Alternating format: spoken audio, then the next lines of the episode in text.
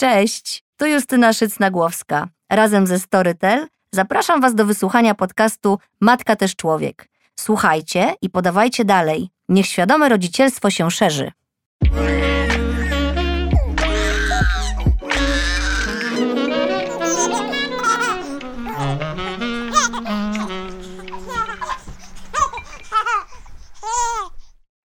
Dziś bym chciała zacząć odcinek inaczej niż zwykle i robię to z wyrachowania.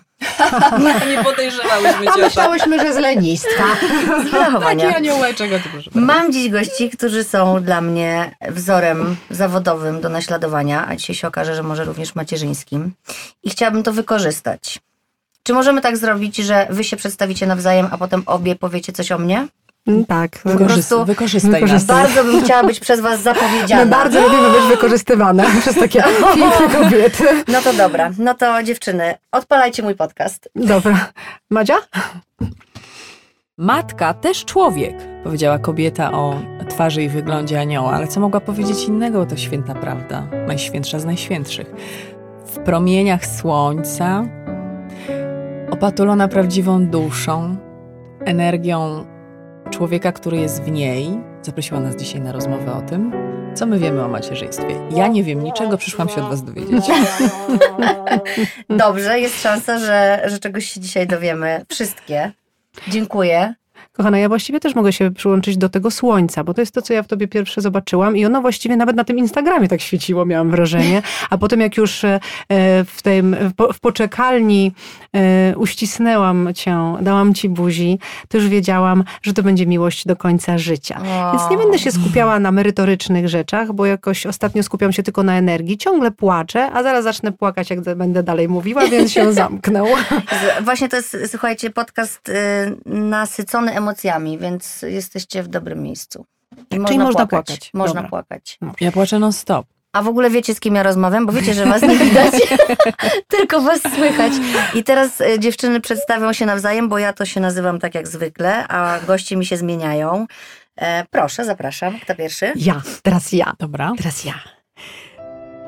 Mieszkała obok mojego ojca. Ten dom to takie sanktuarium, a ja się tam przechadzałam i chciałam chociaż z daleka powąchać jej sukces. Lata później udało mi się powąchać go w studiu.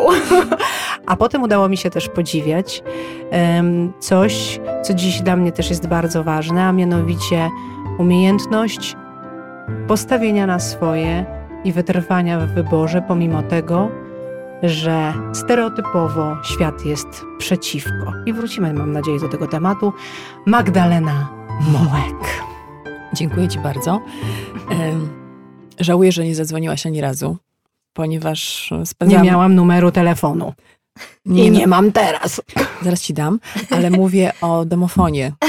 W tym, w tym domu, w którym mieszkałam wtedy, będąc sąsiadką Twojego taty. Gdybym ja wiedziała, że moim sąsiadem jest Twój tato i że to Ty jesteś jego córką, to ja bym się postarała coś z tym zrobić. No ale to e, widocznie tak miało być i miałyśmy się spotkać dopiero teraz, bo nie mieszkam tam już chyba z 8 lat, 6, 7, 8.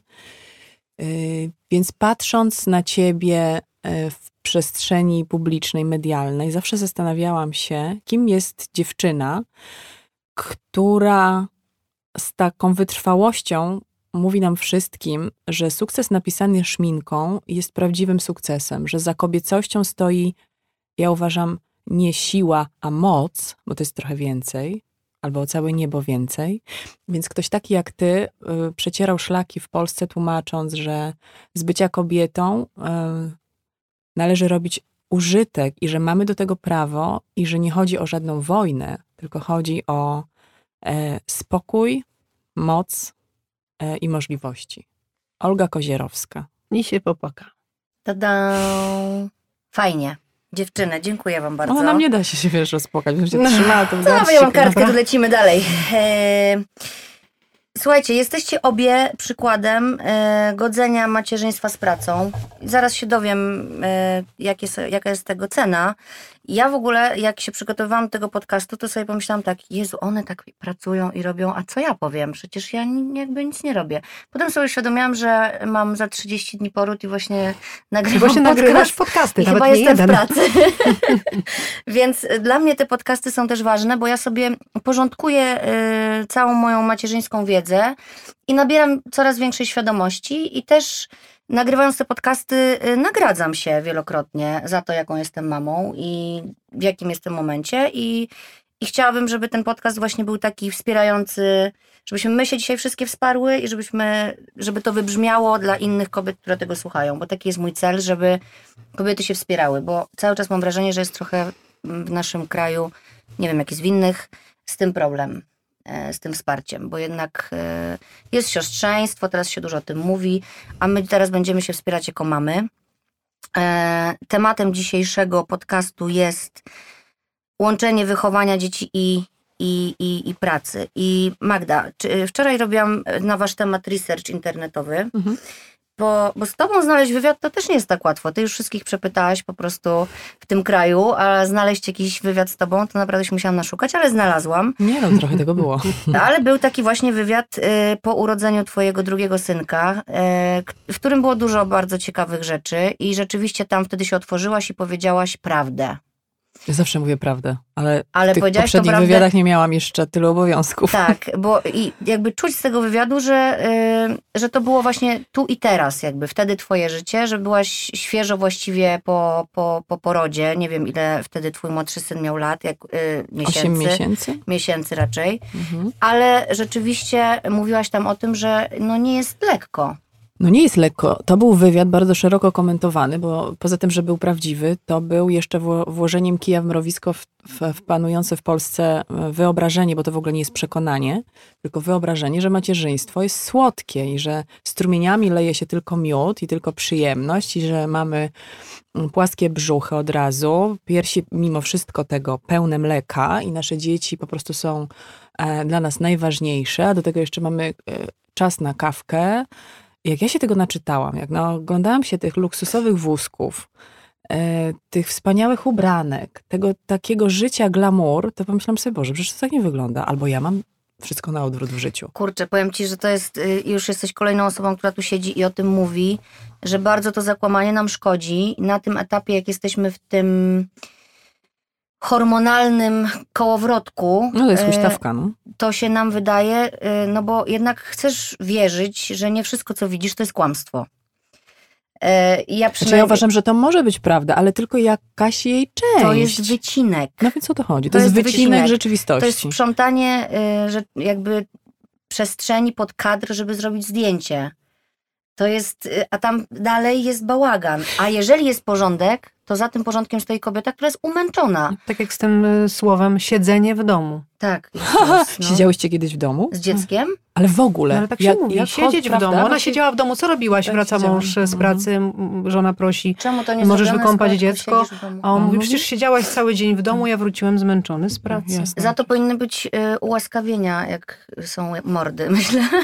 No nie, za to powinny być kary finansowe dla mężczyzn, którzy w ogóle używają finansowe. osoby, bo to jest jedyna, jedyna skuteczna, moim zdaniem, obrona przed tego typu językiem, który jednak naznacza naszą rzeczywistość. Ja cały czas staram się uważać na słowa. Tak sobie kiedyś wymyśliłam zawodowo, że zobaczyć, co się dzieje w, w, w dyskursie politycznym, publicznym, prawda? No to już po prostu wydawało się, że już jest dno, a cały czas jednak ktoś tam od dołu puka. Więc słowo jest strasznie ważne. Za słowami idą czyny. I, i- to będzie tak wyglądało, więc jeśli będziemy mówiły, siedziałyśmy w domu, no to wszyscy będą wiedzieli, jak wygląda siedzenie. No. Ale wiesz, mówiłaś o tym y, siostrzeństwie i to jest też, co słyszę czasem niestety z ust kobiet, a propos innych kobiet, z taką pogardą. Co ona takiego robi? Siedzi w domu. Mhm. Siedzi w domu. Ja nigdy nie siedziałam w domu. Znaczy siedzenie w domu już w moim przypadku nie istnieje. Ja po prostu w domu ciągle robię. Harujesz. Ja siedzę w domu y, koło 22. Y, Ja wtedy zasypiam. ja tak, Wtedy- ja tak Chyba w pozycji leżącej Przychodzi siedzisz. wtedy mój mąż z pracy, bo wraca z teatru o tej godzinie, więc jeszcze, żeby chwilę posiedzieć z nim, na przykład on je, ja już się oduczam tego jedzenia po nocach, bo kiedyś to na niego czekałam, a teraz wciąż już jem po prostu wtedy, kiedy mi się chce, a nie wtedy, kiedy trzeba. Więc siadam jeszcze z nim na chwilę. Jest to jakieś pół godziny i potem już leżę i śpię. No tak, czyli nie siedzimy w domu, powiedzmy. Nie, nie siedzimy Drogie w domu. dziewczyny, jeśli siedzicie w domu, w sensie, że nie chodzicie codziennie do pracy, to my, jak tu we trzy siedzimy przy tym stole, wiemy, że wy nie siedzicie, tylko ciężko pracujecie, mając dom na głowie i dzieci na głowie. Taka jest prawda. Tak, to jest prawda. Olga, a ty to w ogóle już yy, nie siedzisz nigdzie. Ja się dziwię, że ty tutaj usiedziałaś w tym studio teraz te 10 minut już, bo ty po prostu yy, robisz mnóstwo rzeczy. Powiem ci coś śmiesznego. Yy, Wczoraj jak yy, zadawałam pytanie na Instagramie odnośnie mm, tego, o co by chciały dziewczyny was zapytać, to jedna z naszych wspólnych znajomych, która prosiła, żeby cię uściskać, a była gościem e, w poprzednim moim odcinku, jest to Zuzia Sielicka, powiedziała tak, jak ja tam wymieniłam, czym ty się zajmujesz i ile masz y, różnych ról do wykonania, ona powiedziała, i jeszcze została aktorką i robi sztukę. Ja myślę, że są trzy Olgi i się wymieniają, bo inaczej to na pewno nie może wyglądać. No i masz bliźniaki i masz syna 13-letniego.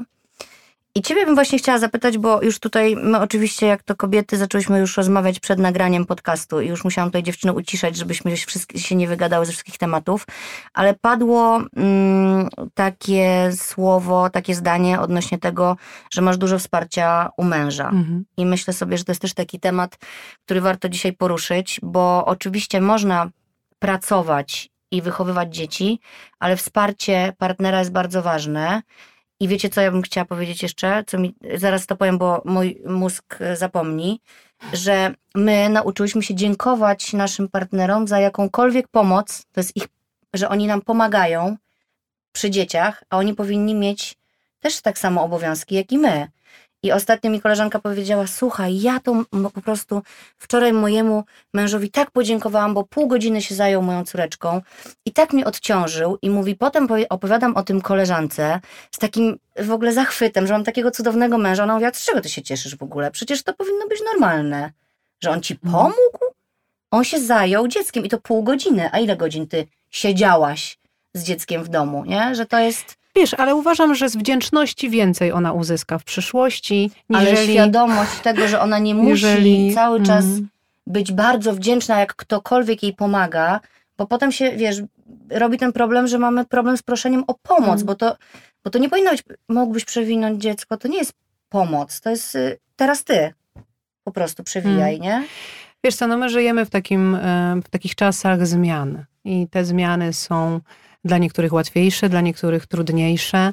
Wielu mężczyzn tych zmian się boi, boi się tej emancypacji kobiet, e, tego, że z nimi dzisiaj muszą też konkurować i o miejsca pracy i o, o jakieś, jakieś pozycje społeczne. No natomiast e, to, no to, to, to, czego dotknęłaś, jest po pierwsze, że my mamy takie, mam takie poczucie, przyciski poczucia winy na sobie. I bardzo łatwo ten przycisk uruchomić. I wystarczy usłyszeć tekst, ale jak to? To ty wyjeżdżasz i z kim twoje dziecko zostaje? No na Boga. I my sobie to też robimy jako kobiety. Nikt się mężczyzny nie pyta, jak gdzieś wyjeżdża w delegację czy gdzieś, z kim zostaje dziecko, bo jest to dla wszystkich oczywiste. Mężczyzna No to przecież informuje, kobieta nie jest jakaś dziwna i w ogóle z kosmosu, więc chyba załatwiła opiekę dla swojego dziecka, jeżeli wyjeżdża, a jeżeli ma partnera męża, no bo też to różnie bywa, no to chyba właśnie, właśnie, nie mamy dzieci same. mhm. No nie ma, mamy, jest tata i mama. I jeżeli mamy mówić dzisiaj o takim świecie, gdzie każda z nas chce realizować swoje ambicje i marzenia, w różnym, bo to jakby w różnym e, okresie, bo tak jak rozmawiałyśmy trochę wcześniej, że nie wiem, rodzimy pierwsze dziecko inaczej jest, rodzimy drugie dziecko jest inaczej, prawda? Czy trzecie, czy, czy, czy, czy jeszcze więcej. Za każdym razem to Stop. jest inaczej. I trzecie, Stop. stop. No tak mówisz, bo jesteś w ciąży, Trzeciej. ale zobaczymy, co będzie dalej. Natomiast, natomiast no, no jakby pierwsza rzecz to jest nauczyć się szanować swoje granice, w ogóle wiedzieć, co ja chcę, jak ja chcę i jasno to komunikować.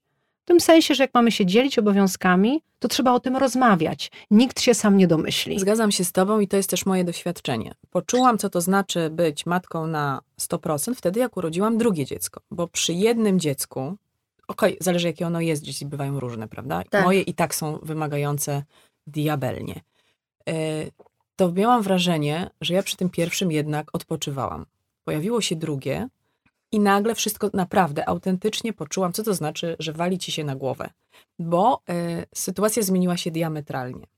I wtedy dopiero uświadomiłam sobie, że przecież ja mam męża. Czyli, że skoro mamy jedno dziecko i drugie dziecko, a jest nas dwoje, to jakoś spróbujmy się tym podzielić. Wcześniej mi to do głowy nie przyszło, bo y, jeśli dziewczyny mówią to, co mówią, że y, podziękowały partnerowi, że zaopiekował się dzieckiem, o czym my rozmawiamy? Ja wiem o czym. My jesteśmy kolejnym pokoleniem kobiet. 20 lat młodsze od nas dziewczyny już takie nie są które zostało wychowane przez tamte pokolenia kobiet, no tak. które radziły sobie od, słuchajcie, stuleci ze wszystkim. Więc my jesteśmy genetycznie przygotowane do tego, żeby dźwigać wszystko, więc nie potrafimy mieć tego odruchu, o którym ty mówisz. To jest twoje dziecko, wiesz, wiesz e, u, u, nas było prościej, e, jeżeli mówimy o takie wejście od razu, od urodzenia się dzieci. prościej. Tak, tak no od razu ludzie, słyszałyście, prościej było. Nie, Mama prościej, mówię prościej od strony takiego naturalnego podziału. No bo jak jest jedno dziecko, już, no bo ja mam troje dzieci i rodzą się bliźniaki. I jeszcze no bliźniaki no to jest zawsze trudniejsza ciąża, e, jeszcze mój synek był chory i długo był w szpitalu, więc ja jeździłam pomiędzy domem a szpitalem, ściągałam ten pokarm i jeszcze wtedy pracowałam w TVN24, więc pamiętam jak nagrywaliśmy programy, ja od dołu w piżamie, a oni mnie kręcili od góry, wiesz, że a ja tutaj tu, tu, tu, tu, tu, tu, tu, tu, tu, tu, tu, tu, a na dole piżama, a na dole bardzo nieładnie, no naprawdę pani Justyna. Pozdrawiamy panią, która pisze do Justyny, żeby nie mówiła kurde. Kurde, bardzo panią pozdrawiamy. Dziękuję. No więc, więc, więc i pamiętam, ale pamiętam też jakby te, ten okres, jakby ile to było we, we mnie siły. Dopiero takie miałam wrażenie, że opadłam mhm. po półtora roku, że tak nagle mnie odcięło. No ale miałam mówić o, o, o tym podziale. Ale poczekaj, że nie dało rady. coś ważnego. Ty tak szybko wróciłaś do pracy? Ja nie, wiesz, jak jesteś na własnym. Czy przestałaś, yy, czy, czy jak jesteś na własnym, dziękuję, bo tak. to jest bardzo ważne. Jak rzecz. jesteś, jesteś na, na własnym, własnym to nie ma tak, że ktoś za ciebie zrobi robotę. Jeszcze szczególnie, że ja wtedy pracowałam z jedną dziewczyną. W sukcesie pisanym szpinką byłam ja i była druga dziewczyna.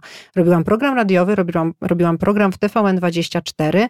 Miałyśmy stronę internetową, konferencję i konkurs Bizneswoman Roku. Mhm. I to nie jest tak, że tak nagle rodzisz i jest koniec. Więc ja pamiętam, że ten, ten czas, tak jak mówiłaś, przy pierwszym dziecku, moje pierwsze dziecko to była reklama macierzyństwa. On tylko spadł, ja, spał, jadł, robił kubkę, ewentualnie ewentualnie się czasem uśmiechnął. dziecko. Tak, po prostu, tylko przebierać go i robić sesję. Czyli są takie. Patrz. Natomiast bliźniaki, to no to mówiłam, jedno było w szpitalu, drugie było w domu. Jak wróciło do domu, no to było tak chude, że trzeba było samemu nastawiać budzik. I ja obrabiałam jedno dziecko, a mąż obrabiał drugie, więc wstawaliśmy co trzy godziny. Potem on szedł do pracy, no a ja pomiędzy, jakby mając pomiędzy już siedzeniem w domu. E, jakby nianie od, od początku, jakby pracowałam z domu. Natomiast ja pamiętam, dziewczyny, słuchajcie, że przez to, że no, nie spałam, a jednak musiałam pracować na takich jakichś oparach i, i tej adrenalinie jechałam, to kiedyś usnęłam na spotkaniu, ale wszyscy wiedzieli, jaka jest moja sytuacja. Jak księżna Diana. I nie, i nie, nie obudzili mnie. I ja się obudziłam jakoś na końcu, bo moja Gosia właśnie mówiła, już czas. Ja taka, jak to? Ona, nie, no nie chcieliśmy cię budzić, bo wiemy, że jesteś zmęczona. I ja taka, Boże, czy, mam, czy przypadkiem nie chrapałam? To była moja pierwsza myśl. Tylko, czy nie chrapała, żeby nie było wstydu? Y, Magda, a ty jak wróciłaś? Ja wróciłam y, dwa, dwa razy, czyli i bardzo różnie. Mhm. Bo to były też dwa różne porody. Pierwszego syna urodziłam przez cesarskie cięcie, a na drugiego uparłam się, że chcę narodu, mm, porodu naturalnego i e, mając 42 lata rodziłam to dziecko, więc możecie sobie wyobrazić histerię lekarzy, którzy nie pozwalali mi na to. Jeszcze po cesarce. Tak, w Polsce jest ta paranoja, że jak jesteś po cesarce, to jesteś w ogóle osobą z kosmosu i nie wolno ci dać się skontaktować ze swoimi mocami kobiecymi, tylko trzeba po prostu, jak to mówią Amerykanie, mm, dostarczyć optymalnego produktu. Wyobrażacie sobie, że w medycynie Co? pojawiają się już takie, to jest jakby, jak, może produkt to jest złe tłumaczenie, ale jakby, no, no, no trochę tak, czyli że jeśli ciąża przebiega w miarę harmonijnie, to taki powinien być poród. Wiadomo, że porody są różne, więc jeśli wszystko było dobrze, to dlaczego to zepsuć na końcu? Rozumiecie o co chodzi? Naturalnym porodem. No bo można zepsuć, jest takie założenie, bo nigdy nie wiadomo jak się potoczy. Tak. Więc ja wróciłam po pierwszym porodzie e, miesiąc później, ale tłumaczyłam to powielokroć, nikt mi tego nie wybaczył, że wróciłam dwa, e, na dwa dni do pracy w tym sensie, że poszłam do studia w sobotę od godziny 7 do 11 i w niedzielę od 7 do I 11. tak nie spałaś. I w tym cyklu, oczywiście, że nie, Rano. i w tym cyklu pracowałam co dwa tygodnie, ponieważ wtedy zrezygnowałam ze wszystkich innych obowiązków. Będąc na swoim, czyli mając swoją firmę, I tak swoją. musisz płacić ZUS. Żeby nie tracić tych wszystkich rzeczy, które są istotne z punktu widzenia Urzędu Skarbowego, ZUS-u i tak dalej, nie chciałam rezygnować z pracy. Ja poza tym utrzymuję jeszcze kilka osób, ponieważ ktoś ze mną pracuje. Jeśli ja tej pracy nie mam, nie mają też tej pracy, akurat tak się składa, kobiety, które ze mną pracują. Więc wróciłam do tej pracy naprawdę na chwilę, na te dwa tygodnie, nie robiąc, na te dwa dni raz na dwa tygodnie. I zaczęło się szaleństwo. Jak można wrócić do pracy? Ale przecież to ja były tam bardzo zajrzałam. też komfortowe warunki, no bo przecież te dzieci były cały czas z tobą. Właściwie to pierwsze No ale dziecko. była na świeczniku i pokazała jakiś w ogóle inny model. No ale to było 8, nieakceptowalny. 9 lat temu. Więc No może to był to? model nieakceptowalny. E, odbiłam sobie przy drugim dziecku, bo powiedziałam, że no może wrócę, może nie. Chociaż obiecałam za szybko, że wrócę za wcześnie i znowu ta sama historia, żeby utrzymać firmę, nie siedzieć.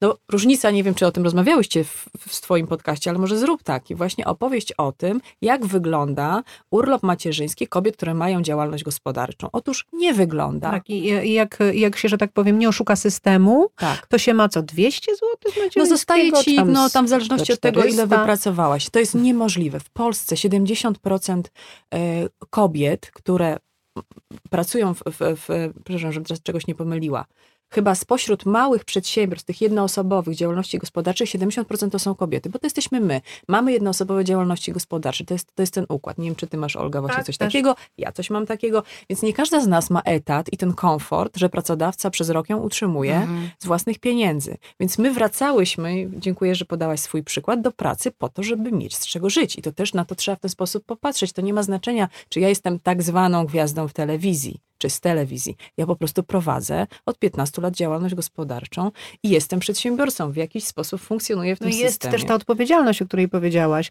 że jak się zatrudnia czy jednego pracownika, czy więcej, to ty nie pracujesz, to nie ma, nie ma przychodu, nie ma za co płacić O pracownikom, czyli ktoś traci też pracę. I to jest, wiesz, no, No więc to było też oczywiście no. myślenie o, o wszystkim. Cenę na koniec dnia za ten szybki jednak powrót do pracy zapłaciłam ja, bo to, To było po pierwszym zdrowia. razie, czy po tak, drugim? Po pierwszym. Po pierwszym. Po drugim zostałam dłużej, prawie 4, 4,5 miesiąca i też wracałam To też bardzo szybko. powoli. Czyli przychodziłam znowu do pracy raz na dwa tygodnie, bo wtedy w takim systemie pracowałam, nie mając żadnych innych obowiązków. Dopiero od trzech miesięcy, czyli odkąd mój syn skończył półtora roku, e, na nowo poczułam się już na tyle silna, żeby rozpędzać z powrotem te swoje miłości, bo ta praca jest po prostu moją miłością. Ja ją kocham, zawsze tak było, e, ale równocześnie bardzo kocham swoje dzieci. I teraz powiedzcie mi, skoro spotykamy się tu w tym temacie matek pracujących, jak pozbyć się wyrzutów sumienia odwiecznych. Jak jestem w pracy, to myślę o nich, jak jestem z nimi, to myślę o pracy. Kto zna receptę? Nie ma. Gdzie jest ta pigułka, którą można połknąć? Nie ma, myślałam, że wy mi powiecie, szczerze mówiąc. Ja spróbuję. Dawaj, Tak? Olga. Olga ma to przerobione. pewno. Olga, słuchajcie dziewczyny, Olga teraz powie, jak pracować i, i być mamą jednocześnie i nie mieć wrzutów sumienia. To jest tak, jak mówisz, że rzeczywiście często stoimy po środku mostu, po prawej stronie jest serce, po lewej stronie są ambicje. I tak, co się przesuniemy w prawo, to ambicje ciągną, co się, czy tam marzenia, jak to chcę to nazwać, jak w lewo, no to znowu serce ciągnie. I ja sobie tak przez lata, bo to mi naprawdę towarzyszyło, jeszcze ja mam tatę bardzo tradycyjnego, który dzwoni do mnie codziennie i się pyta, zawsze zaczyna pyta, rozmowę pytaniem, gdzie jesteś? No więc ja mówię, nie wiem, w pracy. On tak, o, biedne te twoje dzieci, taką matkę mieć to nieszczęście. No i gdzieś tam mi się to włączało. I pamiętam taki moment przełomowy, to było wiele lat temu, jak ja mm, wróciłam późno z pracy, miałam po drodze kupić chleb. I wróciłam, zaczęłam robić kolację dzieciom i patrzę, nie ma tego chleba. I ten chleb był takim symbolem mojego wewnętrznego załamania i takiego głosu, krzyku w głowie. Jesteś złą matką, nawet chleba nie kupiłaś. Nawet. Mhm. I ja pamiętam, że było to tak mocne uczucie, że stwierdziłam, że coś muszę z tym zrobić. I pierwsza rzecz to kupiłam chleb tostowy i zamroziłam, żeby zawsze był. To, to było z tak zwanych zadań. A potem zaczęłam y, skupiać się na świadomości siebie i na swoich emocjach. I wiecie, co na mnie działa przynajmniej, też przekazuję to innym kobietom. Pierwsza rzecz, że akceptuję to, że przychodzi wyrzut sumienia za coś albo jakaś myśl i mówię, okej, no to przyszłaś, no to tak samo jak przypłynęłaś, tak odpłynęłaś. Zaczęłam się trochę puszczać w tym wszystkim, a mianowicie rezygnować z bycia idealną we wszystkim naraz, bo się po prostu nie da. I najpierw wymyśliłam sobie takie ćwiczenie dla siebie, bo ja bardzo lubię ćwiczyć na sobie, a potem to przekazuję dalej. I każdy bierze to, co działa na niego, y, próbuje. No i najpierw wymyśliłam sobie takie ćwiczenie, że rano będę decydowała, ponieważ tych ról mamy wiele. Jesteśmy matką, nie wiem, żoną, kochanką, przecież też jesteśmy y, menedżerką, pracodawcą, y, że każdego dnia będę rano decydowała, kim dzisiaj będę najlepszym. Najlepszym. Najlepszym. Tak. Mhm. Ale to był głupi pomysł, dlatego że okazywało się po się drodze. trochę. No poczekaj, poczekaj, bo widzisz, jest w tym taki właśnie mały kruczek, że Zdaje się, że teoria z tak. praktyką zawsze po drodze się okazało, że na przykład rano mówiłam sobie, że będę dzisiaj cudowną matką, bo był weekend, Jezu, a ja tu sobie nagle... co rano powtarzam, coś- że będę ćwiczyć z Chodakowską. Nie wychodzi. Nie, to te, e, tego jeszcze nie próbuję. No i mówiłam sobie, będę cudowną matką, ale nagle coś się wydarzało i byłam, jakby moja cała uwaga szła w innym kierunku. Więc stwierdziłam, że decydowanie rano jest złe. Jakie decydowanie jest dobre? Post factum. Czyli wieczorem podsumowuję, czym, kim najlepszym dzisiaj byłam i strugam sobie w myślach medal. Aleluja. Nie wiem, ja tak nie umiem. Wszystko jest Okej, zawsze przekonuje mnie to. tak, a mnie, dla mnie jest to jakaś teoria, której ja nie jestem w stanie dotknąć, dlatego że mnie zawsze ten nowy dzień zaskakuje. I co bym, czego No bym tylko sobie... wieczorem będziesz e, decydowała, kim byłaś w ciągu dnia. Ale to jaka ja ma, jaką mam wtedy sprawczość? A nie Żadną, masz bo spra- ale nie masz- ale masz się puścić, najpierw masz się puścić. Ale i Czyli tak nie masz wpływu sprawczość na te rzeczy, puścić. które się Aha, wydarzają. No to pra... no nie, no masz, no musisz No mieć ale jakieś, jak ci się coś wywala trzeba organizować. plan, no tak, no ale to nie, to nie A jest nie, o no tym, to że... zgodę na to, że wywala mi się plan, to ja mam... Chodzi o to, żeby no zdjąć z pleców tę presję. Tę Tak. presję, że sobie Nie, coś to jest- zakładasz. Nie, tak, ale to chyba się nie zrozumiałyśmy, bo mi nie, A. chodzi o, mi nie chodzi o presję, tylko chodzi mi o ten rodzaj takiego nie do. Jakby to powiedzieć, takiego, to nie jest nawet dyskomfort, takiego, że ja bym chciała i to, i to, Nie. i, i mieć i to, i to, i że ja wiem, że mi się czasem udaje, Są że ja dni. jestem zachwycona tym, że jestem cudowną mamą i widzę po prostu, jak te moje chłopaki mnie kochają, a jednocześnie świetnie mi poszedł wczoraj live na Instagramie i mnie to tak bawi i mnie to tak cieszy. Więc tak się zdarza. Mi chodzi o ten, o ten rodzaj w sercu, że to nie jest, to nie ma, to uczucie w sercu, to nie ma nic wspólnego z perfekcjonizmem, nic wspólnego z jakimiś takimi wyrzutami sumienia, tylko zmierzam chyba bardziej do tego, żeby powiedzieć, jak trudno jest być kobietą, matką i pracownikiem Ale i człowiekiem, że który to jest spełnia trudne. swoje marzenia. Jak zaakceptujesz to, że jest trudne, to będzie łatwiej. Jak trudniej Ja, ja jestem blisko twojej teorii. w porównaniu z mężczyznami, którzy się tu pojawili, ja bym chciała do tego tematu wrócić, Mhm. jak trudniej jest nam dźwigać y, swoje, bo my dźwigamy swoje marzenia, marzenia naszych dzieci, bo taka jest prawda, bo pomagamy w ich realizacji.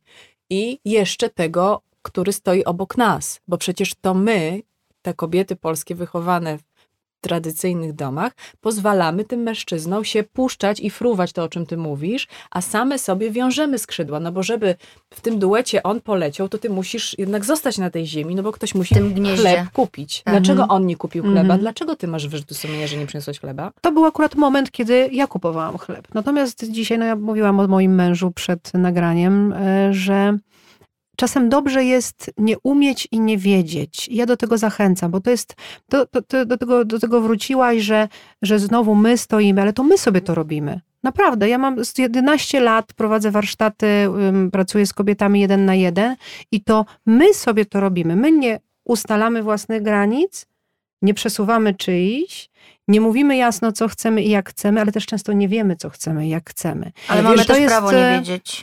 Tak, oczywiście. Ale wiesz, Olga, też, że to jest tak, że musisz mieć do kogo to powiedzieć. Czyli jeśli twoim partnerem jest człowiek głuchy na twoje prośby, polecenia, e, no Boże, polecenia, wiem, tak, w związku polecenia to straszna rzecz.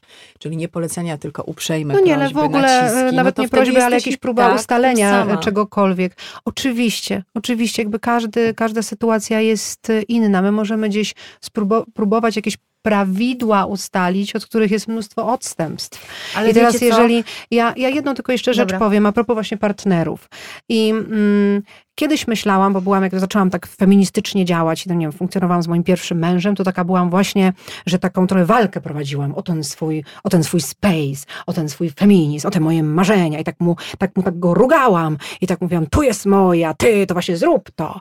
I potem tak się zaczęłam To przyglądać, że kurczę, że to wcale dobrze nie działa. Mhm. I teraz na przykład jak funkcjonuje z moim drugim mężem, to no nie wiem, tak jak jest pralka. Pralka jest dzisiaj strasznie skomplikowanym urządzeniem, nie wiem, czy się ze mną zgodzicie. I jak ta nowa pralka przyjechała do naszego nowego domu, to ja tak stanęłam, tak powiedziałam, Boże misiu, jaka ta pralka jest skomplikowana. A on tak, co ty, co ty, tu, tu, tu, tu i już działa. Ja mówię, Jezus, no po prostu. I wiecie co, i czasem mam takie refleksje, że te nasze babcie, nie wiem, na pewno pamiętacie film Moje, e, moje wielkie greckie wesele. Tak. Jak tam córka chciała iść pracować jako um, Właśnie ja nie, informatyk. nie widziałam, opowiadaj. Jako o Jezu, to jest cudny informatyk. film. Y, I oczywiście był ten ojciec, taki patriarchat w domu, on tu decyduje i bardzo sprytna matka. No i ta córka taka biedna, zahukana przez tego ojca, która chciała pójść na kurs komputerowy, on się nie zgadzał, w końcu tam matka zawinęła i okazało się, że można. Matka tam wszystko załatwiała. No i potem y, z, umówiły się z ciotką, u której chciała pracować ta główna bohaterka, że no muszą jakoś przerobić tego chłopa, żeby on myślał, że to jego decyzja. Więc usiadły z nim i ta ciotka mówi, o la Boga, la Boga, kochany, taki mam ja problem u mnie w biurze, wiesz, no po prostu nikt się nie zna na informatyce, no po prostu tragedia. No i żona do tego dopowiada, no widzisz, zobacz, twoja kuzynka ma taki problem.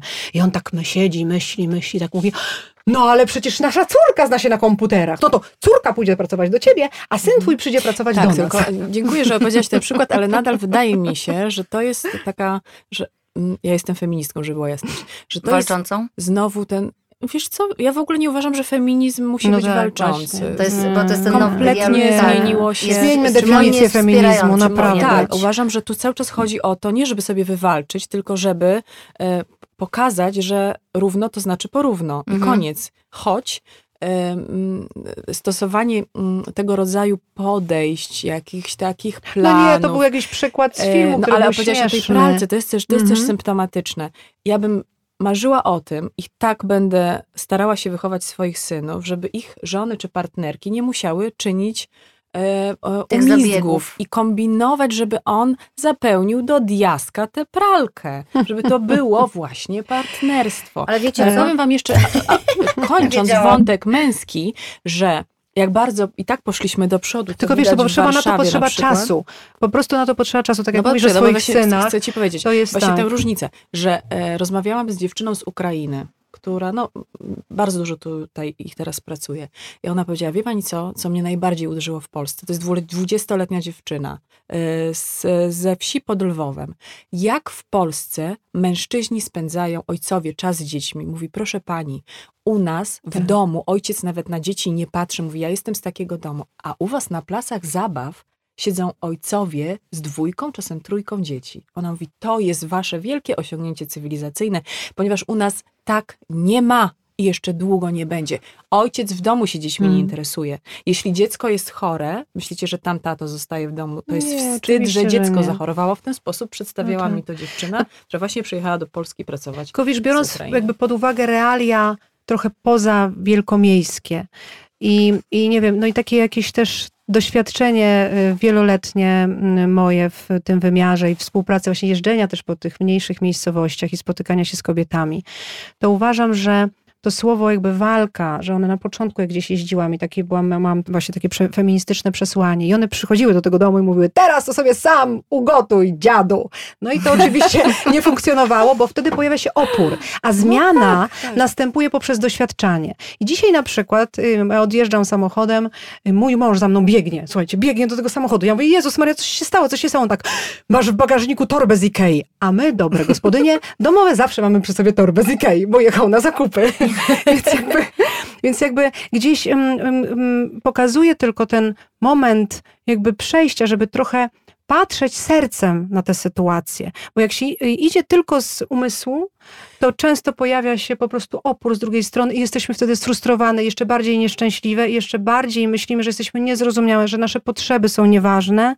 No a i znowu to się sprowadza To- gdzieś do... To ja mam taką Tak, propozycję no. dziewczyny, je- jeśli zostałyście i nadal słuchacie, żebyście się komunikowały. To jest moje Tak, o, odkrycie. Mój super. mąż po Tak. 10 latach związku powiedział mi tak, powiedzieć. Magda, powiedz mi to. Ja Przecież ja się nie domyślę. Mhm. Ja mówię, co ty jak się nie domyślisz? A ty nie wiesz, że dziecku trzeba pieluchę zmienić?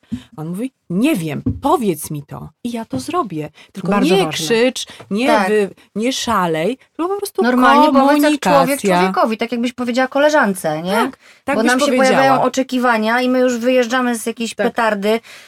No i jeszcze nie zmieniłeś tej pieluchy, zamiast Tak. powiedzieć, hej, mógłbyś kochanie, zmienić zmień pieluchę? pieluchę, proszę. Tak. No w ogóle nawet w tych romantycznych sytuacjach mamy oczekiwania i Ale potem jesteśmy rozczarowani. Ma, tak, w ogóle mamy za dużo oczekiwań, a ma, za mało komunikujemy, bo jesteśmy, nie wiem jak, w jakim modelu wy byłyście wychowane. Ja byłam wychowana w modelu, z którym sobie później musiałam radzić na terapii. Księżniczki, która poradzi sobie ze wszystkim sama. Oczywiście, no może I- nie księżniczki, ale na pewno No poradzi sobie ze wszystkim sama. Ale ja miałam tak, że, Brzydkiego z je- kaczątka, który że z sobie jednej poradzi ze strony mój wszystkim sam. tato mi mówił, że mężczyzna, że oczekiwał, że będę też miała takiego mężczyznę, który będzie mi pomagał, Mhm. czyli będzie mnie wyręczał w wielu rzeczach, ale tak nie naprawdę... wyręczał, nie wyręczał, Nie wyręczał, pomagał. pomagał, tak. Widzicie, no na to funkcjonuje w naszym No, języku. to jest silniejsze ode mnie, no to po Tak, prostu jest tak Mężczyzna to jest naprawdę cud, który ma nas wyręczyć. Ma się cud stać, że on zmieni pieluchę. Nie, to jest twój syn. Hej, Czyli fajnie by to w ogóle było ustawić e, i ustalić, zanim już jesteśmy w tych emocjach poporodowych i zanim to dziecko się O, urodzi, o właśnie po tak. prostu obgadać model, jak tak. Kto wstaje w nocy? Jak Tak. my na przykład ten tydzień dzielimy? Słuchajcie, bardzo Tak. dużo kobiet do mnie pisze, że panowie, którzy chodzą do pracy, idą na kanapę spać i one zostają same z dziećmi w nocy i nie ma w ogóle, bo on się musi wyspać, a dziecko jest wspólne. Tak, oni się muszą No i wracamy no. tutaj znowu do tego przeświadczenia, że siedziała w, y, siedzi w domu, nic nie robiła. Tak, tylko Chcę wam powiedzieć, bo jako fundacja założyłyśmy taki klub Male Champions of Change i tam są prezesi, to jest to czas niezrozumiałe najbardziej przez kobiety, że mężczyźni działają na rzecz kobiet. No tak, bo nadal mężczyźni rządzą w tym kraju, nie ma się co Znaczy, oszukiwać. w ogóle rządzą. Więc jeżeli oni dołączą do naszego głosu, to będzie po prostu szybciej, będziemy szybciej mieć zmiany. Ale Dobrze chciałam wrócić do przykładu. Jeden z prezesów, y, nie Polak, y, który tam no, ma ciągle stanowiska w różnych y, krajach świata. E, No jego żona też wróciła po macierzyńskim do pracy, dziecko miało 8 miesięcy i oni akurat, nie wiem, byli w przeprowadzce powiedzmy, nie wiem, pomiędzy Rumunią a, e, a Polską niech będzie, albo jakimś innym krajem. No i on miał taki, takie mm, 4 miesiące przerwy w pracy, po prostu pomiędzy mm, y, różnymi ofertami. No więc stwierdził, że jak żona poszła do pracy, to on będzie siedział w domu z dzieckiem. Mhm. I sobie to wyobrażał, bo on to opowiadał i to jest naprawdę bardzo cenna historia dla wielu mężczyzn, e, że wyobrażał sobie, jak to będzie chodził na kawkę, czytał książki, w ogóle zaległości jakieś filmowe nadrobi, że będzie tak chodził sobie na, na jogging z tym wózkiem, że kupi specjalny wózek. No i mówi, że taką miał wyobrażenie. Po czym po tygodniu powiedział, że był to dla niego koszmar, bo on nawet się nie zdążył wymyć. On się mył, jak żona wracała z pracy. I zastanawiał się, burdel był w domu straszny, dziecko nieogarnięte, dom nieogarnięty, nic nieugotowane i on jeszcze brudny. No i powiedział, że nigdy w życiu po tym doświadczeniu nie powie, że kobieta siedzi w domu z dzieckiem. Dlatego uważam, że my kobiety powinnyśmy naszych mężczyzn dopuszczać do takich doświadczeń.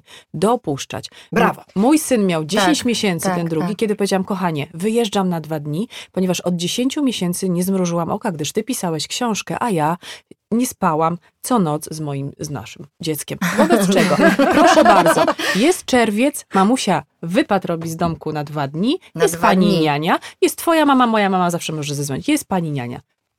Przeżyli? Przeżyli. Ja wyjechałam na dwa dni. Miałam wrażenie, że wyjechałam na trzy miesiące, jak wracałam. Tak odpoczęłam. Bo tylko przez dwa dni i dwie noce nikt ode mnie nic nie chciał. To było A twój mąż też miał pewnie wrażenie, że wyjechałeś na trzy miesiące, bo tak się zmęczył przez te dwa dni. Pomijmy to. To jest tak, to jest właśnie to, to zmęczenie. Mężczyźni tak. potrafią sobie zapewnić pomoc. Mój Tak, mąż tak, zapewnił sobie pomoc mama ale wiecie od razu. co? To jest, też, to jest też niezły temat, że my się krygujemy, bo tu mam też takie pytania e, do was od, od, od dziewczyn, e, że my się krygujemy i tak to proszenie o pomoc jest takie, mm, że to oznacza, że ja sobie nie radzę, jak ja proszę o pomoc, nie? Że to trzeba się... No i bardzo dobrze, mam prawo sobie nie radzić. Teraz ja już to też wiem, przy No trzeciej ciąży. Ja się już, słuchajcie, ja się już obstawiłam i to, co jest właśnie super w moim mężu, tym, z którym teraz będę miała dziecko i z czego się na maksa cieszę, to jest to, że on powiedział, że on mi chce zapewnić tą pomoc już teraz. My to mamy już wszystko przegadane. Oczywiście. W momencie, kiedy się dowiedzieliśmy, e, że, jest, że jesteśmy w ciąży, powiem to, bo jesteśmy razem w tej ciąży rzeczywiście, bo on jest bardzo aktywny. Już, by, już sobie zaplanował, ponieważ kalendarz ma bardzo do przodu planowany, że na miesiąc po moim porodzie on nie bierze żadnego filmu, nic nie robi, tylko nic nie robi. Chodzi do pracy, bo będzie miał spektakle, czyli będzie wychodził wieczorem na dwie godziny i wracał na kąpiel. My to mamy wszystko przegadane. Mówi, ja będę cały czas przy tobie. Przepraszam, ja chciałam powiedzieć jedną moim zdaniem ważną rzecz, a propos proszenia o pomoc. Doświadczyłam tego właśnie teraz, kiedy urodził się nasz drugi syn i on kompletnie nie spał, nie śpi nadal. Nie śpi nadal. E, To już przywykłam do tego trybu, ale wiem, co to znaczy kobieca solidarność. Jeszcze 100 lat temu mieszkałyśmy w wielopokoleniowych domach, nawet jeszcze 50 Mhm, lat temu. tak. Teraz tak nie ma.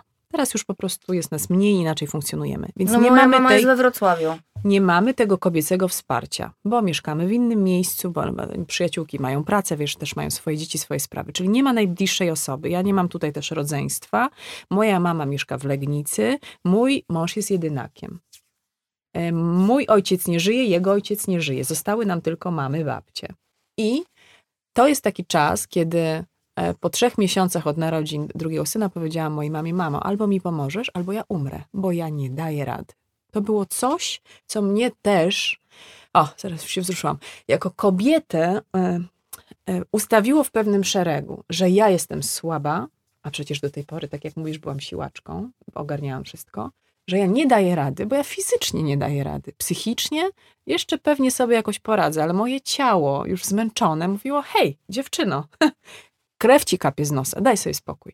I wtedy powiedziałam: dobrze, droga teściowo, proszę cię, żebyś pomogła mi przy tym dziecku, a moją mamę poproszę, żeby pomogła mi przy tym dziecku. Bo mój mąż jest zajęty. Rozumiecie o co chodzi? Tak. I gdybym jeszcze wiedziała, że jest mi potrzebna dodatkowa pomoc, to przysięgam, że poszłabym puk, puk, zastukała do sąsiada. Bo zrozumiałam, że nie da rady, że jesteśmy Nie musisz. odcięte od tej mocy pomocy osób obok. Bo albo wstyd poprosić, o... żaden wstyd. Jeszcze raz to powtarzam w jakimś wywiadzie, to powiedziałam. Jak jesteś kompletnie już zrezygnowana, wstań, idź poproś o pomoc. Znajdź ostatnią siłę, żeby poprosić o pomoc. Ludzie ci pomogą. Czy to będzie obcy, czy przyjaciel, czy wszyscy to rzucą, co mają do zrobienia i przyjdą do ciebie. Tylko odważ Mhm. się. I uwierz cuda to, się wtedy tak. dzieją. I, po, i naprawdę zrzuć z siebie ten Jezu, balast, że, że to jest coś, że to jest coś złego. No, mm, ja czasem mówię, używam takiego sformułowania kupowanie sobie czasu. to wczoraj. Em, bo w ogóle uważam, że jeżeli my jakiejś części, to w ogóle z badań psychologicznych, jeżeli w ciągu dnia jakiegoś czasu nie poświęcimy sobie na odbudowanie własnej energii, to to jest równia po- pochyła. W tym Tak. sensie, że my naprawdę nie damy rady. I w pewnym momencie się ciało odezwie, e, po prostu e, odezwą się nerwy, stres i inne, inne przypadłości Odezwą psychologiczne. się choroby. Ja Tak, to tak, tak, tak. się przerobiłam i skończyło się depresją No właśnie, to- I to taką, którą sobie uświadom... Ona się zaczęła od kiedy dzieci mi się urodziły, właściwie drugie dziecko. Ale wiecie, czym się zaczęło? Niewyspaniem i chroniczną później bezsennością, bo ja byłam tak czujna. Ja do tej pory tak nie śpię już czujnie, że ja po prostu ostatnio, parę dni temu y, usłyszałam pod drzwiami mamo. I mówię do Borysa, ktoś powiedział mamo? Mówi nie. A przyszła moja córka z góry, bo już się ubrała, wstała wcześniej, bo jej budzik zadzwonił i chciała sprawdzić, czy ja śpię. Słuchajcie, no wybudziło mnie to ze snu, to mamo, które było pod drzwiami. I od kiedy się urodziły moje dzieci, byłam tak czujna, że nie byłam w stanie w ogóle spać. Mhm. Nawet jak mogłam spać, to tak się bałam, że zasnę i zaraz się będę musiała budzić, że tak się nakręcałam. To jest szaleństwo. To jest po prostu, to był jakiś kołowrotek. I skończyło się lekami, skończyło się tym, że rano musiałam brać leki, żeby wstać, a wieczorem brać leki, żeby spać. Wiecie, jak nasze bliźniaki były małe i praktycznie, no najpierw my je budziliśmy, nastawialiśmy sobie budzik co trzy godziny, bo były za słabe, no a potem one się budziły i budziły się na krzyż, tam oczywiście tych No milion tych, tych rad było, że musicie wprowadzić wojsko i coś tam, nic nie działało. O, przepraszam panią od kurde. Teraz nic, nic nie działało. Po prostu żadne porady nie działały. Ja przeczytałam tysiące książek, bo ja jestem ta, co tak z głowy często szła. I, I po prostu nic nie działało. I wiecie, co w końcu mnie uratowało? Napisałam o tym w tej mojej książce Mój przyjaciel kryzys, właśnie w kryzysie małżeństwa, e, małżeństwa, macierzyństwa, że, mm, e, że w końcu wprowadziliśmy taką zasadę, że nie, nie mówiliśmy sobie, że kto wstaje do dziecka, bo ja i tak się budziłam. To samo co ty, tak? Teraz nie śpię, bo szczury szaleją w nocy. Macie Super szczury? sobie zrobiłam, tak. Dzieci zaczęły spać, to wzięłam szczury. Mm, więc, ale to już mówię, to A, jestem to mistrzem szczury świata. takie W ogarnialne. plateczce. Szczury w klatce. Em, takie, Przytulanki. takie przytulanki. No w każdym razie najpierw y, szukaliśmy metody pod tytułem, no to ty wstajesz dzisiaj, ja wstaję jutro. Nie działało, Zawsze bo ty on, budziłaś on się jakoś pierwsza. tak, ja się budziłam pierwsza, jego budziłam, mówiłam wstań, Paweł.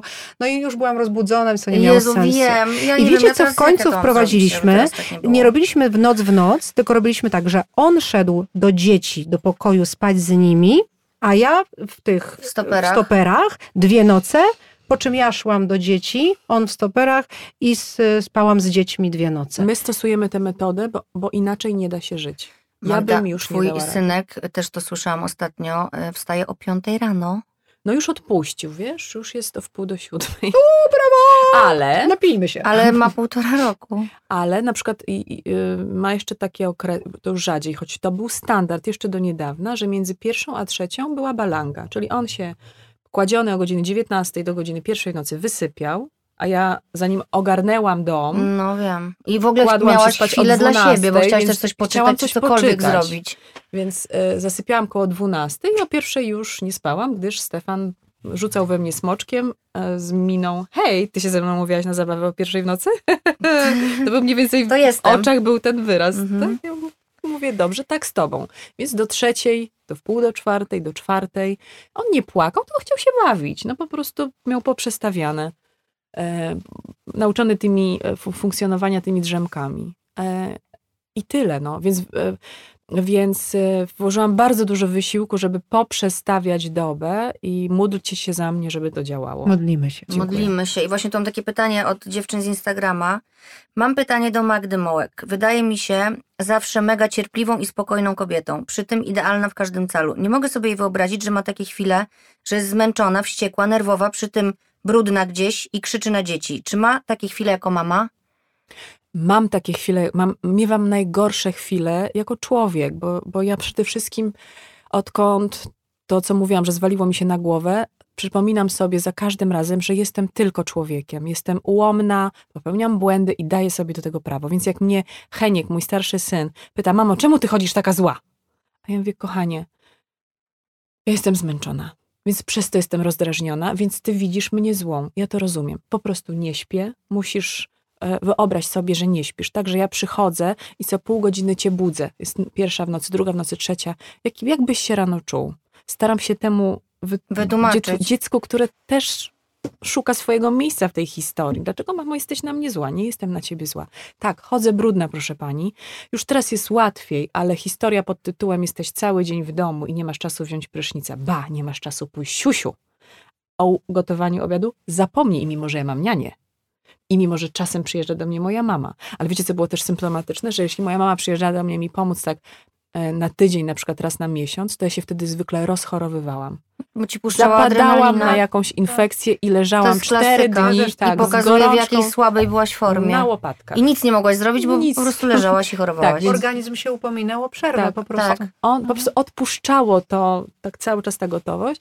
Więc tak, chodzę, brud, jestem zła, wściekam się, przeklinam, o jak ja przeklinam, proszę pani. Więc ten, ten mój taki, ten mój taki idealny wizerunek jest, jest po prostu chodzeniem do pracy. Mm, Czasem trudno to też wytłumaczyć ludziom po drugiej stronie, nie? Że, że jeśli ta pani, która pyta, idzie do pracy, to też ubiera się, maluje, idzie do Szykuje się, pracy, tak. nie rzuca tam kurwami w nikogo, no chyba, że może. I, I nie ma po prostu oczka lecącego w rajstopach, bo jest w pracy, więc jeśli ta pani widzi mnie, ta dziewczyna z Instagrama widzi mnie w pracy, no to też No w tak, tak. zwanym najlepszym wydaniu. Wizerunek Tak, prostu. Jakby Ale też dobrze że, dobrze, że masz tą pracę, i, bo inaczej jakbyś była tylko w tym drugim wizerunku. Ta praca też jest taką odskocznią, że no jednak się musisz wyszykować i patrzysz na siebie w lustro i jakoś jest łatwiej to może znieść, nie? No, Wszystko. no, no wiesz, no zasadniczo ja mam w domu wszystkie rodzaje dresów, powyciągane, dziurawe, wszelakie, takie, które po prostu dają mi komfort Kolekcje. funkcjonowania w domu. Ja kocham też dresy. E, o, pytanie do pani Olgi. E, tu pisze dziewczyna, która chodzi na warsztaty twojej fundacji. Czy korzystała z jakiejś sieci wsparcia, kiedy jej dzieci były małe? Czy ktoś jej pomagał? Czy nie wstydziła się prosić o taką pomoc? Mhm. Zobaczcie, jak zadane pytanie. Tak. Czy nie wstydziła się prosić o taką to jest pomoc? tak smutne, że my cały czas mamy zakodowane, że to wstyd poprosić o pomoc. Dlaczego? Skąd to Bo się wtedy wzięło? oznacza, że nie dałaś rady. Wiesz co? Ale dlaczego jesteśmy wciśnięte w mundurek, że musimy dać radę? E, Ja mam w ogóle takie doświadczenie i mm, pewną opinię, że w Polsce niestety funkcjonują dwie takie emocje bardzo silnie. Mhm. I to jest wstyd i pogarda. I ten wstyd też w nas, dziewczynkach, kobietach potem, on jest i go gdzieś dalej się odżywia tym niestety, co otrzymujemy od świata, ale on buduje się jak jesteśmy małe. Teraz w tym moim, w tej mojej sztuce, którą napisałam, no właśnie o tym mówię i słuchajcie, jak jakby robiąc to na tej scenie, znowu wracam do tych emocji. I ostatnio się zastanawiałam, zaraz zacznę znowu płakać, zastanawiałam się, że jak byłam mała, tak gdzieś do siedmiu- siódmego roku życia, to mi się wydawało, że ja mogę wszystko. Że chodziłam po, strasznie kochałam śpiewać.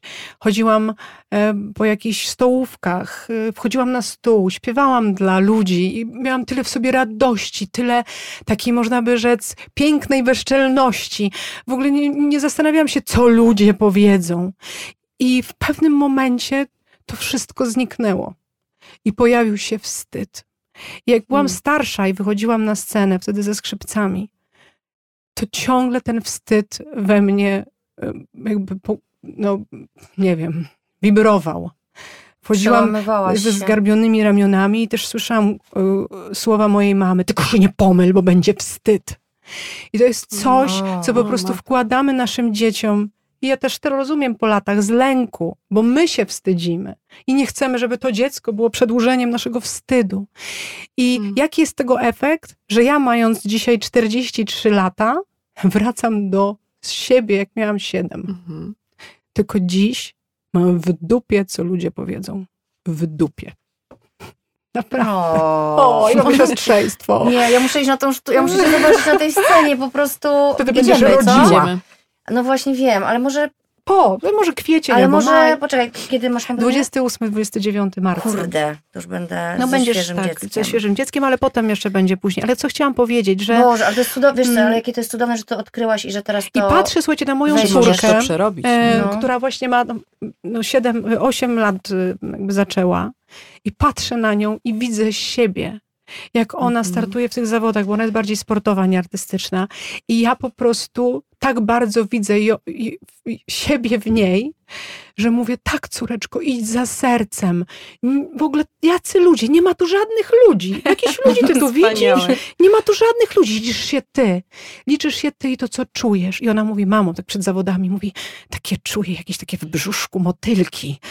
I potem Oj, się tak tak. spina i widzę tę radość, jak ona z tą radością i wtedy widzę siebie znowu na tym stole śpiewającą z tą radością, która potem zniknęła i której szukam z taką tęsknotą tego swojego dziecka w środku.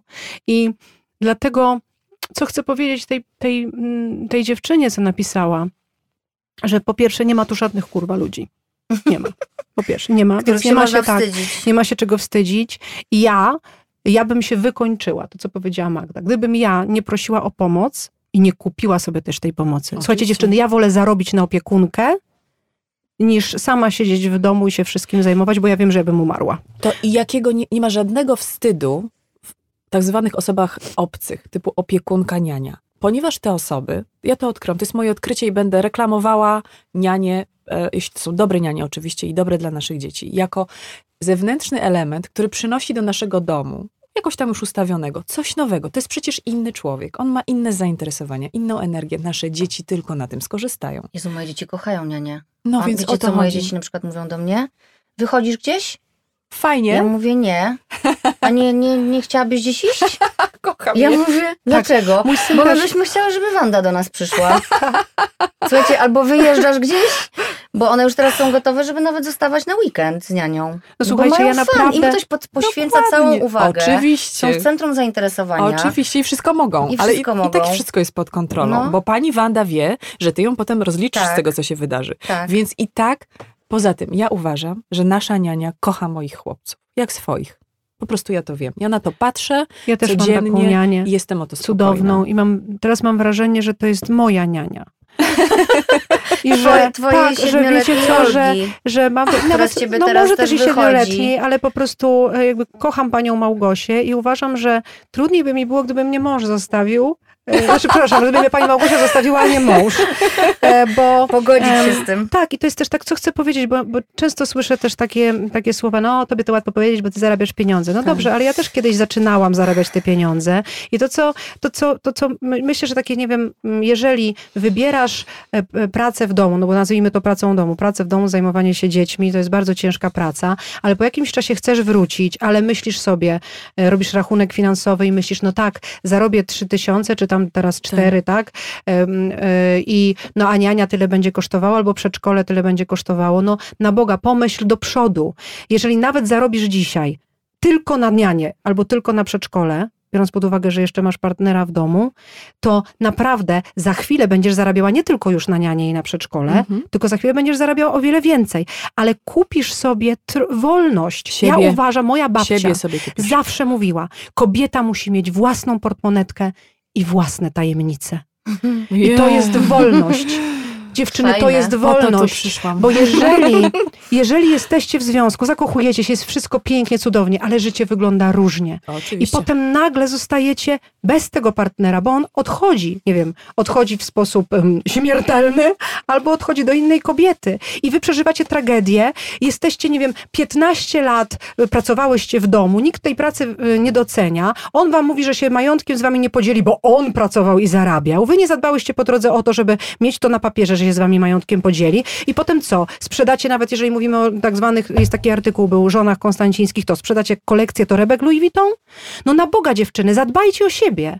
I to ja nie mówię o tym, że macie być złymi matkami, porzucić dziecko. Jak czujesz, że chcesz siedzieć dwa lata, siedzieć, kurde, znowu powiedziałam. Jak czujesz, że chcesz w domu, pracować w domu, dwa pracować lata z w domu, dzieckiem się tak. zajmować, to zostań. Ale pomyśl potem o sobie. O. Naprawdę pomyśl. Hobby dziewczyny tworzą. Mnóstwo u nas na sukces to ja dziewczyny przychodzą na warsztaty, tworzą, em, y, warsz- y, tworzą działalności gospodarcze na macierzyńskim właśnie. Na macierzyńskim, bo to jest też taki czas kreatywny, pomimo tego, że jesteś uchetana. Więc myślcie o sobie, nie zapominajcie, ja błagam was, błagam, po prostu myślcie o sobie, nie zapominajcie o sobie, bo na koniec dnia to jest tak jak w samolocie. Jak spada ci śnienie, to nie zakładasz maski dzieciakowi, Dziecku, tylko tylko, sobie. sobie najpierw. Jak ciebie zabraknie, nie będziesz miała siły, będziesz znowu zestresowana, to będziesz wściekła. Jaką będziesz matką dla tego dziecka? Chciałam powiedzieć, że właśnie w, na tym macierzyńskim, takim najcięższym, przyszedł mi wspaniały pomysł do głowy, kiedy już po pół roku e, niespania, po Mhm. raz piętnasty tej nocy musiałam wstać i to był ten moment, kiedy szłam zrobić mleko. Stałam nad blatem w kuchni, kapały mi łzy, bo byłam tak zmęczona, a była jakaś tam trzecia w nocy i nagle zobaczyłam, że kapie mi również krew z nosa. I pierwsza moja myśl nie była taka, o Jezu, że mi się coś strasznego stało, to po prostu z osłabienia, no bo już mam świadomość tego. Ale po, wiecie, wiecie, co pomyślałam? Pomyślałam, czy ja jestem jedyna taka? Czy ja jestem jedyną kobietą tak zmęczoną w takiej sytuacji, tak kompletnie bezradną mi się wtedy wydawało? Poddałam się i pomyślałam, nie, ja sobie poszukam jeszcze takich kobiet. Ja wiem, że one istnieją, bo my wszystkie takie jesteśmy. I wtedy przyszedł mi do głowy pomysł napisania książki o tym, jakie jesteśmy. Dzień wcześniej czytałam biografię Michelle Obamy. I tam jest taka strona, jak ona mówi, jak mąż był senatorem, już pracował w Waszyngtonie, ja siedziałam w domu z dziećmi w, w Chicago i Siedziałam z dziećmi w domu. pracowała na dwóch etatach wtedy. Córeczki też są jedna po drugiej urodzone. E, położyłam je już spać, ogarnęłam dom, Siedziałam w Pamiętam ten kuchni. fragment. siedziałam w kuchni, Zmywarka zmywarka, chodziła, a ja Uwielbiam czytałam to. książkę. A ja Tak. mówię, a ja mówię, nie wierzę, jestem w tej samej sytuacji. Jest 22, moi chłopcy śpią, zmywarka chodzi, bo czytałam w kuchni. Czyli nieważne, chciałabym, żeby to też usłyszały dziewczyny, które są teraz po drugiej stronie. Naprawdę uwierzcie nam, to jest przypadek, że Olga jest tam, gdzie jest i ciężka praca. Przypadek, że ja i że Justyna, że my jesteśmy, można by powiedzieć, albo nas stać na te nianie, albo mamy takie prace. To jest wynik naszych zaangażowań, wiary we własny talent, Nikt siły pomimo wszystko, jak mówi Olga, opowiada o sobie, wbrew ludziom i I jednak wbrew wszystkiemu doszłyśmy tam, gdzie jesteśmy, swoją ciężką pracą i szczęściem, powiedzmy to, do ludzi, bo miałyśmy dużo Tak. szczęścia w życiu. Więc teraz pozwalamy sobie powiedzieć Wam, że Wy też możecie to zrobić. Tylko podsumujmy: komunikacja z partnerem, prośba, Prośba o pomoc. o pomoc, zero wstydu, nie jesteś słaba, urodziłaś. W tobie powstało dziecko, urodziłaś Życie. dziecko, masz tę moc. Do widzenia mogą ci skoczyć. Puść się, nie ma tu żadnych ludzi, pamiętaj. Niczy, wstyd to tylko kraść, mi się wydaje, i robić krzywdę innym. Tak, A nic robić innego wstydu nie przynosi. Dokładnie. No i co? I, i, i zrezygnować jednak z tego bycia doskonałą we wszystkim naraz, bo się No po prostu tak. nie da. No. Kurczę, dziewczyny, mam taki jeszcze jeden komentarz, on jest bardzo długi, Dawaj, już nie zdążę chyba przeczytać, może tak w skrócie, ale też mnie to zastanowiło, jest dziewczyna, która... Yy, słuchajcie, myślałam, że te podcasty nie będą mnie interesować, bo nie jestem nawet jeszcze na etapie planowania ciąży i, yy, i rodziny, ale temat jutrzejszego podcastu jest mi tak niesamowicie bliski, że aż ciężko mi uwierzyć, że to przypadek, że tu trafiłam, że to przypadek, że tu trafiłam. Słuchajcie, ona już myśli. Rozpoczęłam pracę w bardzo trudnej branży, w biznesie, w biznesie angażującej, wymagającej poświęceń i wyrzeczeń, w której jest bardzo mało kobiet, a szczególnie na późniejszych etapach kariery, gdy pojawia się dziecko. I dla mnie punktem odniesienia w dyskusji na temat, jak połączyć karierę i bycie mamą, ważnym elementem jest mężczyzna, tata, partner lub mąż. W biznesie widzę samych mężczyzn, których partnerki zostają często w domu i rezygnują z kariery, by zaopiekować się rodziną. Brakuje nam mężczyzn, którzy zgodzą się na podział obowiązków, będą równie odpowiedzialni za dom co kobiety. Stąd pojawia się pytanie do pani i pani gości, jak umiejętnie dzielić się obowiązkami z partnerem, jak o tym rozmawiać, jak to planować, gdy myślimy o rodzinie w perspektywie kilku lat, jak nie porzucić swoich planów za- zawodowych na rzecz wychowania, mówiąc sobie cichutko, ja to zrobię lepiej. Bo to jest Mhm. właśnie też to, co. Że ich nie dopuszczamy, bo Że wiemy, ich nie że... no dopuszczamy. tak, źle zapiąłeś pieluchę. Wiecie co, Mm. ostatnio przeczytałam takie zdanie i przeczytałam je też Borysowi. On uwielbia, jak ja mu czytam, bo ja uwielbiam się. To nie, nie, nie chodzi o nawet przyznawanie do winy, ale jakby przyznawać się do. Do Kurde, jak to. błędu może, do co? błę- do do- pomyłki? do to błędu, do pomyłki, wina? albo też odkrywać coś, gdzie on może być wygranym, ale dla mnie jest odkrywcze i pomaga nam w komunikacji. Że nie, nie zatajam e, przed nim fragmentów, które czytam, które mówią o tym, że ja na przykład właśnie gdzieś, jak zacznę komunikować w taki sposób, to on się poczuje lepiej, bo mam mnóstwo takich przykładów, że dziewczyny mówią tak, ja mówię, pogódź się z nim, odpuść teraz, wyciągnij rękę. Ale jak ja tak wyciągnę rękę, to on na drugi raz też będzie oczekiwał, że ja tak wyciągnę rękę. Ja mówię, nie, jak trzy razy wyciągniesz rękę, to za czwartym on sobie pomyśli, kurde, ona już trzy razy do mnie wyciągała rękę, może ja teraz wyciągnę rękę. Wiesz, że takie napędza się myślenie, że jak dasz coś od siebie, to ci zaraz zabiorą wszystko. A ja nie jestem Mm. tego zdania. Ja jestem tego zdania, że jak będziesz dawała dobro, to jeżeli masz dobrych ludzi wokół siebie, no a takimi się chcemy otaczać, jak masz złych, no to już trudno, to trzeba się po prostu otaczać dobrymi ludźmi i sobie sprawdzić, że może ten człowiek nie jest po prostu dla ciebie. Ale jak masz dobrego człowieka, to, to on to zrozumie i też będzie chciał się stawać lepszym. Ale chodzi o to, że ja przeczytałam zdanie, że nie, że mężczyzna jest dorosły i że nie musisz za każdym razem mówić, zrób to tak i tak i tak. Możesz tylko powiedzieć, słuchaj, trzeba zrobić to i to. I to, w jaki sposób on zrobi, on widzi, że jest źle odkurzone. On widzi, że pielucha, którą zapiął, spadła po dwóch minutach. Nie musisz mu za każdym razem tego wytykać, tych błędów, które on popełnił, nie? On to wszystko widzi. Więc Mhm. to jest też dla mnie ważne, żeby tych mężczyzn, ja, ja na przykład... To jest tak jak z dziećmi, bo my trochę traktujemy naszych partnerów jak dzieci, czyli dziecku tak posprzątaj, źle Ale posprzątałeś, to jest cenna uwaga zanieś też, do, tam. żeby dzieciom Tak. też tego już nie, Tak. już na poziomie bycia dzie, dziećmi tego nie No robić, nie? ja, ja, ja po sobie to y, doświadczyłam tego z moim e, mężem. Ja nienawidzę być jego asystentką. Jezus Maria, nienawidzę. I on tak mówi, zróbmy coś razem. Ja wtedy wiem, że mam być tą e, asystentką, która coś tam Ugotujmy wykonuje. coś. I on ciągle, a on jest pedantem, więc ja zawsze źle sprzątam. Tak? Więc jakby jak ja już tam, on, nie wiem, on odkurza, a ja coś tam tym małym odkurzaczem, no to on tak, no ale zobacz, tego nie zrobiłeś, tego. I ja wiem, jakie to jest demotywujące. I wtedy ja sobie mówię, wiesz co, Misiu, jak ty robisz to lepiej, to ty mi pokaż, jak to się robi i, i, I to zrobił to. No i po prostu robi to. Tak? Ale widzisz, czyli to działa Więc- dwie strony, czyli są też tacy mężczyźni. Ale No tak, tylko właśnie to- jest, bo znowu, zmiana zaczyna się przez doświadczenie. Jak ja tego Tak. doświadczyłam, to sobie pomyślałam, Jezus Maria, no to co ja będę go ciągle poprawiać? Tak samo dzieci.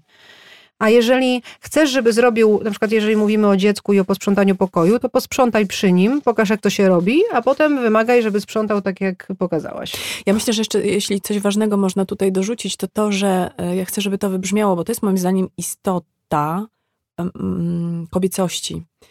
Bo ona mówi, ta twoja Followerka. autorka listu, followerka, Mhm. obserwatorka, że e, w tym biznesie są mężczyźni. Tak, bo teraz mogę to już powiedzieć, po, po, po tych 10 latach bycia w tym związku, to jest też moje drugie małżeństwo, i posiadania dzieci e, w, i tej rodziny z tym mężczyzną, że widzę te różnice. Czyli ile kobieta mająca swoje życie zawodowe i mająca dzieci wkłada w istnienie równolegle tych dwóch światów wysiłku, a ile mężczyzna. Nie znam takich związków, poprawcie mnie jeśli istnieją, gdzie naprawdę jest tak zwane równouprawnienie. Czyli oni i ona i on dają z siebie tyle samo i tyle samo dostają. Zasadniczo na ogół jest tak, że jest dokładnie e, niesprawiedliwie, w sensie niesprawiedliwie. Czyli kobieta, ponieważ jest w ciąży i rodzi i opiekuje się potem tym dzieckiem, wypada z rynku, nie potrafi, nie może, nie jest w stanie dowieść tego, czego się w firmie wymaga od pani prezes.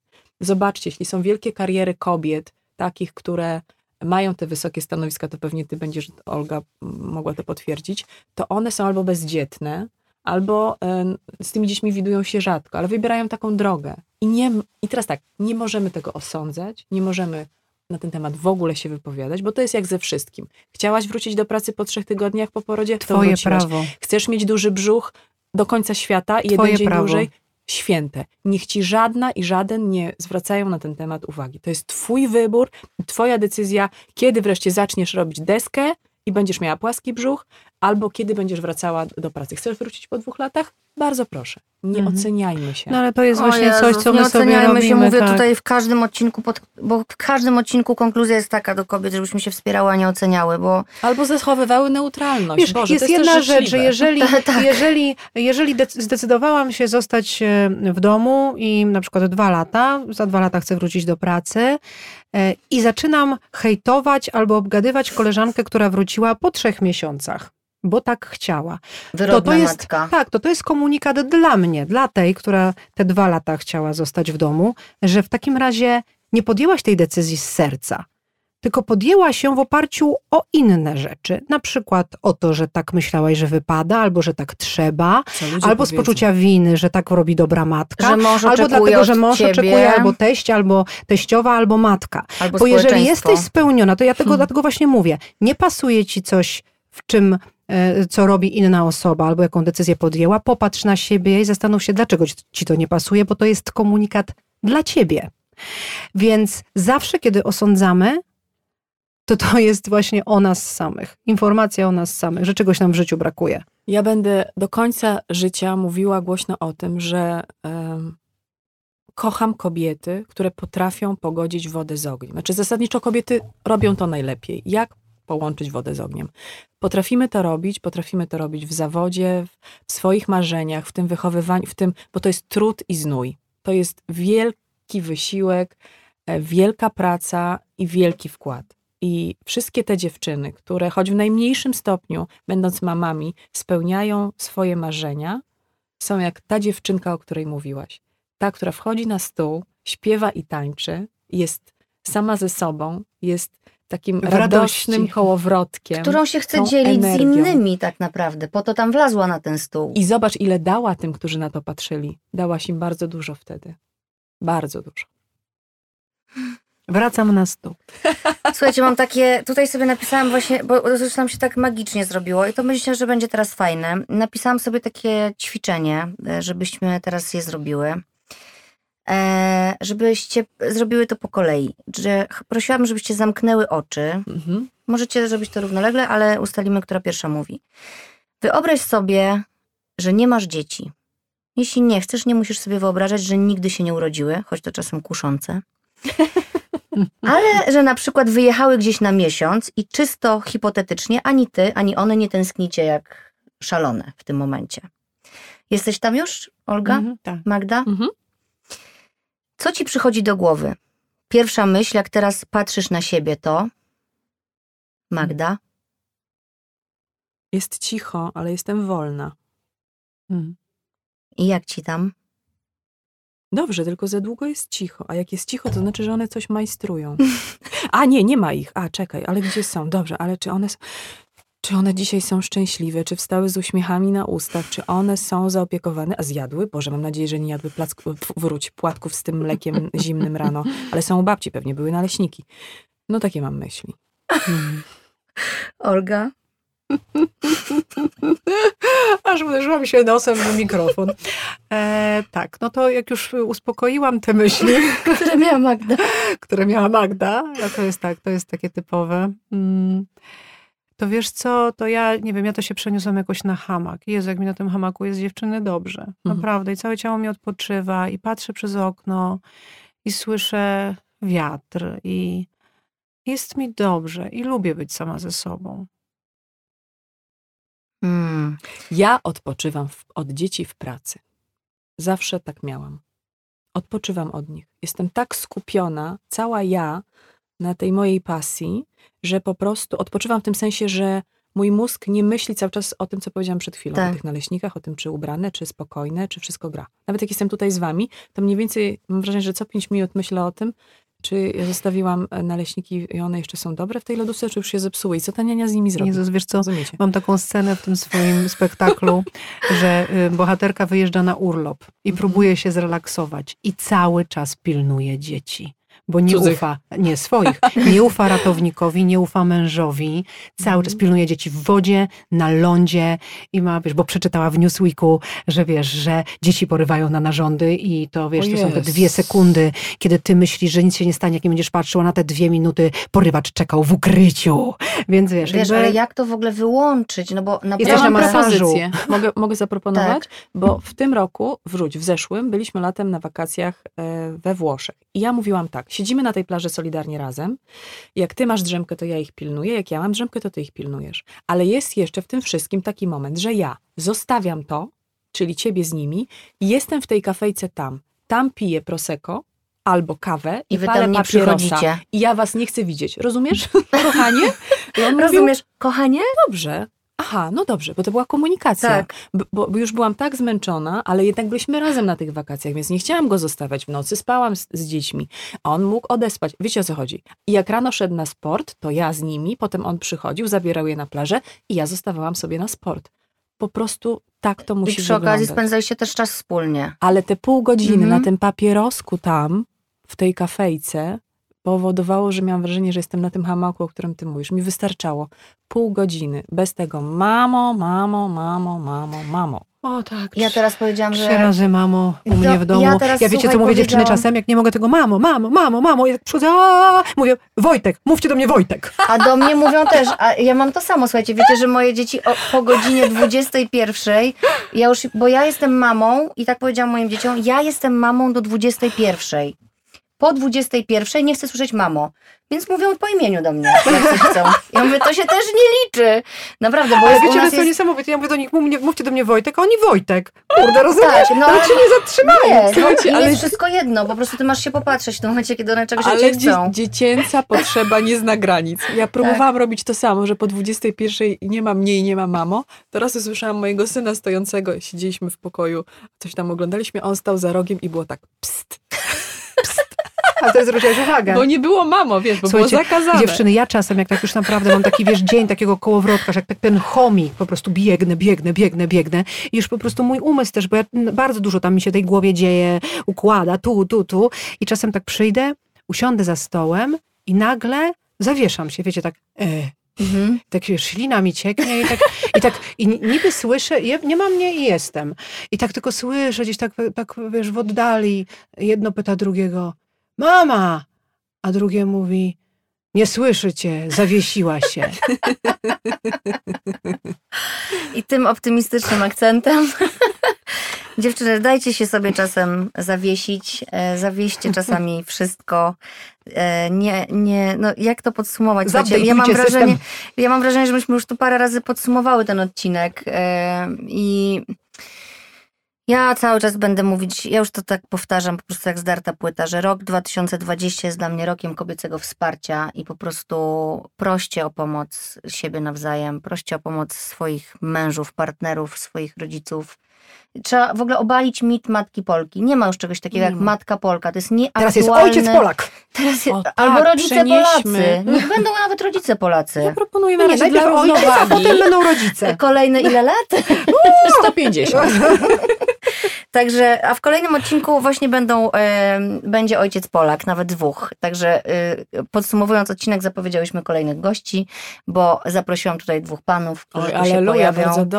I porozmawiam z nimi, jakie oni mają oczekiwania względem tego, jak, jakimi chcą być ojcami i jak chcą być traktowani, bo myślę, że ten głos jest również ważny, żebyśmy my go usłyszały kobiety i może właśnie nauczyły się komunikować, bo będę chciała z nimi porozmawiać o komunikacji, jakiej Bardzo dobrze. oczekują. To zapytaj, czy lepiej działa to machanie rzęsami i udawanie, że nie umiesz obsługiwać pralki, No to ja. czy, czy powiedzenie tak jak ja? Pralka jest do wyładowania, kochanie. Nie, ja w ogóle już nie mówię. Wczoraj miałam taką To ty, to ty masz inny wzrok w takim razie. Ja tutaj wiesz, o Boże, nie znam się na pralce, a ty? Właśnie, a propos A ty- wzroku, O. wczoraj żartowałam, opowiadałam to naszemu e, współpracownikowi na planie w roli głównej. Ja mówię, że ja nie krzyczę. Ja tylko patrzę. Jezus, o co Mm. I od razu zabijam Mm. wzrokiem. To jest y, drugie oblicze Magdy Mołek. Oj, tak, ja mam parę. delikatna, ktoś by pomyślał. Nie, nie, ja, ja jestem, nie, ja jestem Zauza, zapytajcie mojego męża. No ale jest jakaś taka książka. Kochamy Zauzę, tak, tak, tak. Dlaczego Zauzę mężczyźni kochamy. kochają Zauzy? On cię kocha ewidentnie i najważniejsze, że macie wypracowany system komunikacji, który działa. I tak sobie myślę, niech każdy ma swój, ale komunikujmy się do jasnej cholery, a nie oczekujmy i nie chodźmy nieszczęśliwe, że ktoś się nie domyślił. Tak, bo, bo to nie działa po prostu. Nie, I to, I to jest w ogóle na płaszczyźnie nie tylko macierzyństwa, ale również właśnie w pracy, o tym, co dzisiaj też rozmawiałyśmy, że w pracy też należy komunikować, jak, a nie być wiecznie tą nieszczęśliwą, której Bo- ktoś robi krzywdę. Oczekiwania rodzą jedno. Rozczarowania. Zawsze. Tak, tak. Amen. Dziękuję Wam bardzo, dziewczyny. Dziękujemy. Dziękujemy.